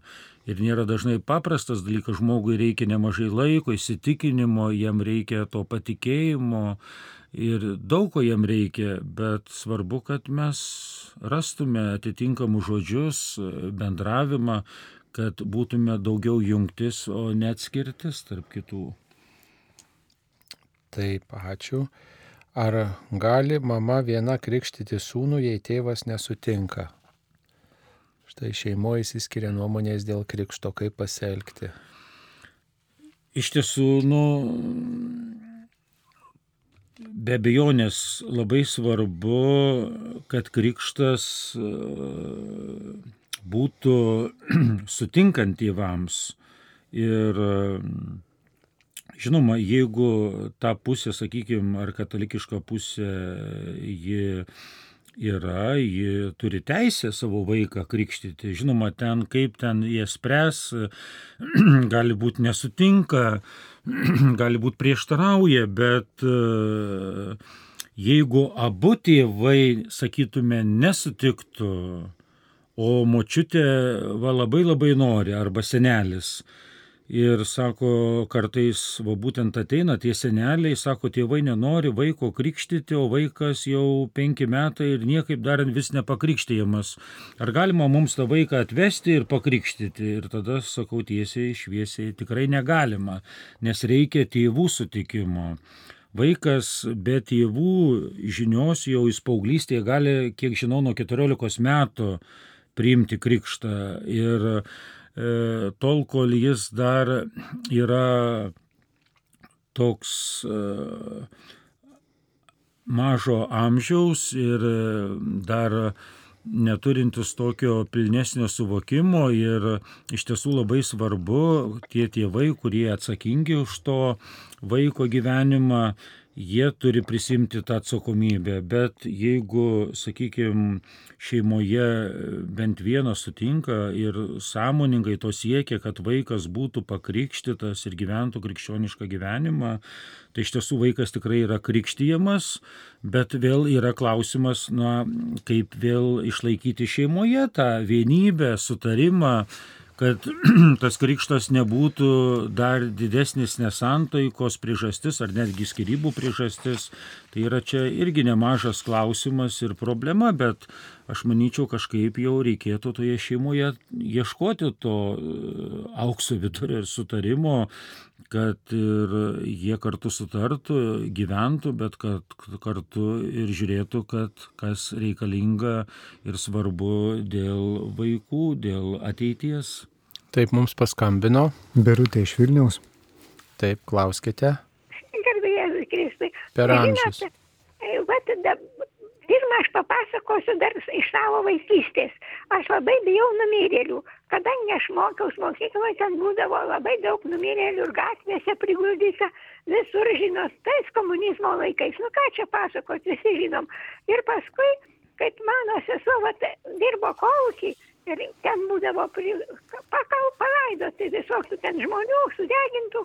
Tai žinot, jinai matydavo, kada jau prieš visų šventę tamsu būdavo, tai jinai matydavo nuo kapo kylanti tokia žmogystė. Jinai sakydavo, čia žmogaus duš eina į dangų. Va šitas klausimas, paskui jau kai aš užaugau, tai įsirinkau savo jaunikį. Na, jaunikis buvo gražus, žinoma, aš meldžiau Dievą, kad jis mane vestų, žinai, žinote, atsiprašau, netaip pasakiau, gerai, gerai, ir meldžiausi, gerai, sakau, Dieve, man atiduok jį. Nu gerai, Dievas nesakau, gerai, atiduosiu aš tau jį. Bet žinot, paskui aš susapnavau sapną, kad man buvo gerai su tuo jaunikiu, viskas gerai, bet paskui aš nuėjau į tokį sodą priterštą ir galvijų ir visko. Tai va, paskui mes ir išsiskyrėm. O tokius klausimus aš pateikiu jums. Mhm. Nu tai matot, sapnai yra nuojauta mūsų, nuojauta galbūt dar kažkas čia tokia e, iš pasąmonės ateinanti informacija, kurios mes nekontroliuojame. Ir čia tiesiog nu, įvairiai gali būti, kad e, tiesiog jau nebuvo to santykio su tuo žmogumi, ne jau ėjote ir tiesiog jau galvojot apie, taip gal neleidote tai minčiai, kaip sakyt, galvoj, e, jūs, jūs, kaip sakant, vesti į priekį, jūs, jūs kamuoti, kad štai nelabai ne, ne čia nusisekė su tuo šeimo žmogumi. Tai čia visai gali būti, nereikėtų sapnam teikti tokios didelės reikšmės tiesiog, mm, nes sapnas tai yra tos, tiesiog mūsų nekontroliuojama, nekontroliuojama tiesiog tikrovė, iš pasąmonės ateinančios mintis, vaizdiniai, na ir jie susiję taip pat ir su mūsų veikla, ir su mūsų, su mūsų ir mintim, ir tuo, ko mes neleidžiam savo galvoti, ir jausmais, ir patirtimis, kurio, kurių mes nereflektavom, nesvarstėmi. Taip pat galbūt tai yra ir erdvė prabilti kai kada net ir Dievui, bet reikia su tuo labai atsargiai elgtis, kad mes ne, tiesiog nenukryptume į kažkokią ereziją. Žmonės būna taip, kad sapnuoja savo mirusius artimuosius ir paskui, vat, nu, kažkaip artėja jų ten ar mirties datos minėjimas, ar panašiai tiesiog, ar, ar tiesiog prieš kažkokius įvykius tokius reikšmingus, vat, susapnuoja savo artimuosius mirusius ir paskui daro tokias išvadas. Tai čia reikėtų labai atsargiai tą daryti ir tiesiog e, vengti tam tikro, žinot, sureikšminimo kad į Dievo vietą nepastatytume kažko kito. Dievas yra mums svarbiausias, taip jis gal kartais leidžia mums to, ir tokiu būdu mus perspėja ar primena kažką apie mūsų gyvenimą, apie mūsų ateitį, bet tai, tai turėtų būti visa tai, ką mes patiriam, mūsų sapnai, tai tiesiog proga labiau atsigręžti į Dievą ir žinot, kad jis vienas amžinas yra ir kad mes juo labiau pasitikėtume, bet ne bet ne savo kažkokiom nuojautom, išvalgomis ar ten mirusiųjų kažkokiais pasirodymais. E, šiaip ir lygiai taip pat reikėtų traktuoti ir tuos vaizdinius, kur žmonės mato kapinėse, jeigu kartais reiškia kažkas ten reiškia fizikiniai gali būti kažkokie reiškiniai, ne kūnui, kūnui gendant, irgi įsiskiria tam tikros ir medžiagos, ir, ir kažkas ten pasako ir apie liepsneles, ir, ir apie fosforo švitėjimus, ir visokius kitokius. Bet e, žinom, kad žmogus sudarytas ne, ne tik iš kūno, kuris yra trapus ir kuris suyra laikui bėgant, bet taip pat mūsų esmę, mūsų e, dalį, kaip sakant, sudaro ir mūsų nemateriali siela, kuri vis dėlto, kurios pamatyti ne, negalime akimis. Ir tai yra dvasinė tikrovė, bet ne, ne kūniška. Ir, ir sutapatinti, kad čia kažkas mato mirusiuosius, nu, yra irgi pavojinga labai, žinokit, tai, tai, jeigu tai ne, ne iš Dievo, reikėtų nuo to jau tikrai bėgti ir, kaip sakoma, atsižegnoti ir vengti tokių, tokių praktikų. Va, tai, ir, ir neplatinti nei tokių ten minčių, nei dar kažko, žmogaus siela eina. Nu, mes žinom, kad žmogus turi sielą ir po mirties ta siela atsiskiria nuo kūno, bet kaip tai vyksta, kada tai vyksta, ar tai reiškia kokiu pavydalu tas, tai čia jau, jau nėra, nėra mm, pažinu mūsų protų ir nėra reikšminga mums, nes mes visko čia ne, net ir nereikalinga visko apriepti ir, ir prote, protų laikyti, nors galbūt žmogui yra smalsu, ne? Kaip, kur ten dedasi, ką ten veikia, bet ne tai esmė, suprantate, esmė yra, kaip žmogus pasiruošia šitam veiksmui, kaip pasiruošęs, va, su kokia nuostata jisai iškeliauja, nes galvodami apie to tokius dalykus, kurie nėra esminiai, mes prarandam, kaip sakant, kelionės tikslą. Jūs kaip keliaujate į kelionę, jūs nesukat galvą, kokios spalvos bus jūsų krepšys maždaug, kas čia aplinkui, kokie, ar lapai bus tokie medžių, ar tokie lapai bus, ar, ar, ar bus dulkėtas kelias, ar nedulkėtas, jūs žiūrit, kaip į kelionę keliaujat, ką jūs pasiimsit ir koks bus jūsų kelionės tikslas. Jūs žiūrit, kad pasiimtumėt pinigus, bilietą, nežinau, asmens dokumentą, ko ten kelionė reikia būtiniausius daiktus, jūs žiūrite esminių dalykų, o ne tai, kad ten ar, ar, ar ten Saulė pro tokį debesį švies ar pro tokį. Debesis bus apvalus dangui ar pailgi. Debesis bus debesuotas dangus ar nebedebesuotas. Nu, gal reikės keičio, tai čia gal tiek svarbu žinot, bet, bet jau ir tai nesminis dalykas. Svarbiausia, kad ar bilietą turiu, ne į autobusą ten, pavyzdžiui, ar, ar, ar, ar turėsiu pinigų kelionė ir kur aš keliauju, ar žinau, kelintą valandą. Vat svarbiausius dalykus reikia atskirti, o ne šalutinius. Tai, tai ir kalbant apie tą mirusiųjų iškeliavimą, ar ten pasirodo, nepasirodo ten kažkokios liepsnelės, tai čia ne tai svarbu yra. Ne? Mes svarbiausia su kokia nuostata. Ir jeigu jūs matot kažką kapinėse ar, ar išgirstat apie tokius dalykus, iškart griebkitės maldos, kad būtų į Dievą remtumėtės, kad visa tai būtų, kaip sakant, Dievo perspektyvoje tie klausimai sprendžiami, nes tik tai Dievas yra saugus kelias mums turėti ryšį su artimaisiais. Jeigu mes nuo Dievo atsiribojam, o savo smalsumui pasiduodam arba savo mintims, iš karto rizikuojam pakliūti kažkokį, kažkokią ereziją ar kažkokį pavojų, kuri, kuriame tikrai bus, būsim sutraukę santyki su Dievu, nes piktasis tik ir tyko, kad mes susilpnintume ryšį su Dievu. Dar gal ką kunigė pridėsit prie. Iš tiesų, visi tie tokie išgirdimai, nuogirdos ir visi dalykai, tai jų ne vienas esam išgirdę ir kartais žmogui kai kurie natūralūs dalykai gali pasirodyti tarsi e, ant gamtiniai reiškiniai, ten ir sakykime, kad kapinėse švieso, kas ten žino, gal ten žvakės pradėjo degti, užsidegė, tiesiog ta šviesa natūraliai, o kažkas iš toli pamatė, gal kai kam kažkoks e, nuo žvakių dūmų kamulėlis pasirodė kaip nežemiška šviesa ir panašiai. Kartai žmonės iš tokių e, natūralių dalykų padaro nenatūralius. Tai dažnai kelia šypseną ir e, manyčiau, kad vis dėlto truputėlį reikia žvelgti į dalykus kažkaip protingai, sąmoningai, neprisigalvoti ir, ir tokių dalykų, kurie kažkaip, e, nu, tik vien šypseną kelia, bet e, yra, žinokim, žmonių, kuriem patinka kažkokius nežemiškus dalykus skleisti ir jie arba įsivaizduoja, ar jų truputėlį psichinė būsena patir sutrikusi kažkiek ir jie tiesiog kalba, kas jiems ateina į galvą. Ir jeigu mes pradėsim sugerti visų tokių žmonių mintis ir jas pradėti imti tikėti, nu, tai mes tai tada sukursim kažkokį kitokį pasaulį, kuris nu, į nieką neveda. Taip, ačiū, mums paskambino. Stanislava iš Kauno. Taip, klauskite, jūs eterija. Garbė Jėzui Per Kristui. amžius. Aš noriu dėl apsireiškimų Marijos. Ne visada mes esam patenkinti žmonės kunigų paaiškinimu. Juk ten, kur susirenka, kad ir nebūtų to Marijos apsireiškimo, kur susirenka žmonių dauguma, tai ir yra bažnyčia.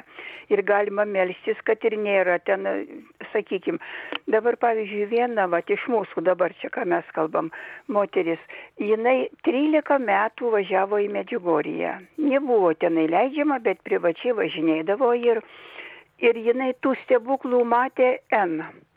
Sakė, aš neišpasakočiau per visą dieną, kiek ten buvo tikrų. Tai kodėl tada gali bažnyčia 40 metų nepriimti dėl vieno vyskupo, kuris pasakė, kad ten vienuoliai susirink, norėjo susirinkti pinigų daugiau ir paskelbė tokias kalbas. Arba dabar, kad ir Italijoje. Taigi tenai nestatula verkia, rodo per internetą ir nuotraukas pati Marija ir leidžiasi fotografuojama ir verkia, tai kodėl tada reikia sakyti, kad nebūtina priimti, o žodžiu, taigi galima kunigai visur važinėja, galima trim, keturiem kunigam nuvažiuoti, pabūti savaitę ar, ar daugiau ten laiko ir pamatyti. Nu, čia yra, nežinau, jeigu mes tikim, kad mums šventas Antanas padeda, šventas Jozapas padeda ir tikrai taip yra. Tai kodėl tada Mariją mes turim nubraukti, kad nepaimti į širdį, kad čia ne, ne taip jau čia svarbu. Pasakyta Dievo viskas, Dievo pasakyta. Bet mums reikia priminti, mes visada žmonės daug ką pamirštam ir daug ką, o tas priminimas ir Marija perspėja, kad žmonės neklystų mažiau. Taip, bet Dievas jau yra perspėjęs ir tą nuolat daro per šventą raštą. Tai matot, tas perspėjimas gali būti neaišku iš kieno lūpų ateinantis ir daugybė istorijoje yra buvę faktų, kai kai ir, kaip sakoma, ir, ir piktasis tais apsireiškimais visokiais pasinaudoja. Tai čia šitoj vietoje reikia, žinokit, labai didelio nuolankumo ir čia yra bažnyčios tiesiog šimtametė, net tūkstantmetė praktika su tais apreiškimais, juos tyriant ir, ir iš vaisių pažįstama e, paprastai na, ta, ta praktika. E, aišku, jeigu ten žmonės nuvažiuoja, meldžiasi, yra stebuklai, vėl tie stebuklai, žinot, ar tik tuo metu pa, pa, pagerėja, ar, ar ir vėliau kažkas būna. Ir dar stebuklai nėra, nėra, kaip sakoma, tas pakankamas argumentas už apsireiškimų tikrumą. Da, yra daugybė kitų kriterijų ir ten neužtenka, kad 3 ar 5 ar 10 kunigų nuvažiuos. Tai tikrai turi būti įvairių specialistų e, komisija ir ekspertų išvados, ir įvairių sričių ekspertų išvados, ir, ir atitinkamai apklausiami ir liudininkai, ir turite tas apsireiškimas arba e, tie visi faktai jau būtų tokio baigtiniai stadijoje, tik tai tada tą galima reiškinį kažkaip tirti. Neužtenka, kad čia kunigai nuvažiuos. Čia ne, ne, ne, ne kaip kam atrodo, ne kaip kokia nuomonė, bet, bet kokie yra realūs, reiškia, na, va, tokie testiniai, tie tokie nerezultatai, ne tai, kad vienkartiniai, va kažkas čia pagerėjo, bet paskui tam žmogui gal da, tapo blogiau negu pirmai yra tokių buvę atvejų. E, tai žinot, ar tiesiog čia yra sudėtingas ir ilgas procesas ir čia bažnyčia yra nepaprastai atsargi tokiais atvejais, ne? nes mūsų apreiškimas remiasi ne Marijos apreiškimais, ne Marijos pasakytomis tiesomis, bet remiasi pačiu Jėzaus asmeniu, Jėzaus paskelbta tiesa ir mokymu. o, o, o Marija yra tik viešpaties tarnaitė. Taip, jinai gali priminti, jinai gali perspėti, jinai gali nukreipti mus dar kartą prie Jėzaus. Taip, tas, tas yra tos aspektas, bet visi tie gamtiniai kažkokie keisti, nepaaiškinami reiškiniai, nu, jie gali būti susijęs su įvairiais kitais dalykais ir čia nereikėtų taip skubėti, reiškia, priimti visuomet už tokį gryną, gryną kaip sako, pinigą tų visų, kaip posakis toks yra, tų visų įvykių. Tai e, reikia tokios išminties ir, žinot, tas primiktinis toksai e, raginimas, priimkit, priimkit, nes kas nepriima, tas blogai elgesi, na tai e, jau tok, tas privalomumas šitoje vietoje tikrai ne, netinka. Primiktinis raginimas čia visiškai netinka. E, tiesiog reikia, žinot, išlaukti, matyti tam tikro tam tikrų vis dėlto rezultatų, vaisių ir ne, negalvokit, kad tas nėra tyriama, nėra svarstoma, nėra sudaromos komisijos, ten tikrai ne vieno kažkokio vyskupo, bet daugybė yra įvairių žmonių, kurie svarsto tuos reikalus ir, ir, ir laukia matyti į kur tai kreips. Jeigu kalbam apie Medžiugorję, tai žinom, kad leistos piligrimystės vietos ir tikrai ten yra e, tokia ypatingų malonių vieta, daugybė žmonių ten iš tiesų sutvirtino savo tikėjimą, atrado savo pašaukimą ir, ir man pačiam ten teko būti ir aš tikrai e, mačiau, kaip žmonės meldžiasi ir, ir, ir patiria tokį, tokį, tokią atgaivą, didelį džiaugsmą bet bažnyčia nėra e, ištarusi galutinio žodžio, tai irgi tiesa.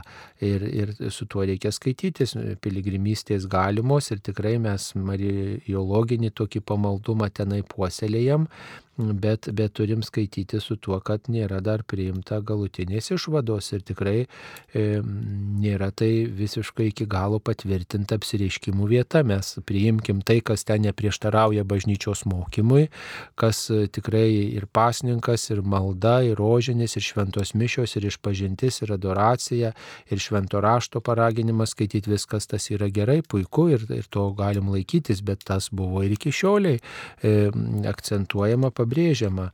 Ten tik tai dar kartą pabrėžė, bet e, tiesiog, žinot, tik tai tuo remtis e, tikėjimą, tik tai vienu kažkokiu apreiškimu Marijos, apsireiškimu ar kažkokiu Marijos pasirodymu ar, ar jos kažkokiais žodžiais visą savo tikėjimą statyti yra pavojinga. Tikrai m, krikščionis niekada to nedarė ir rizikuoja savo tikėjimą sumenkinti arba truputį iškreipti. Iš tiesų nežinau, kodėl žmonės taip labai siekia to tokio žaibiško bažnyčios e, patvirtinimo šventų, tokių vietų, apsireiškimo vietų.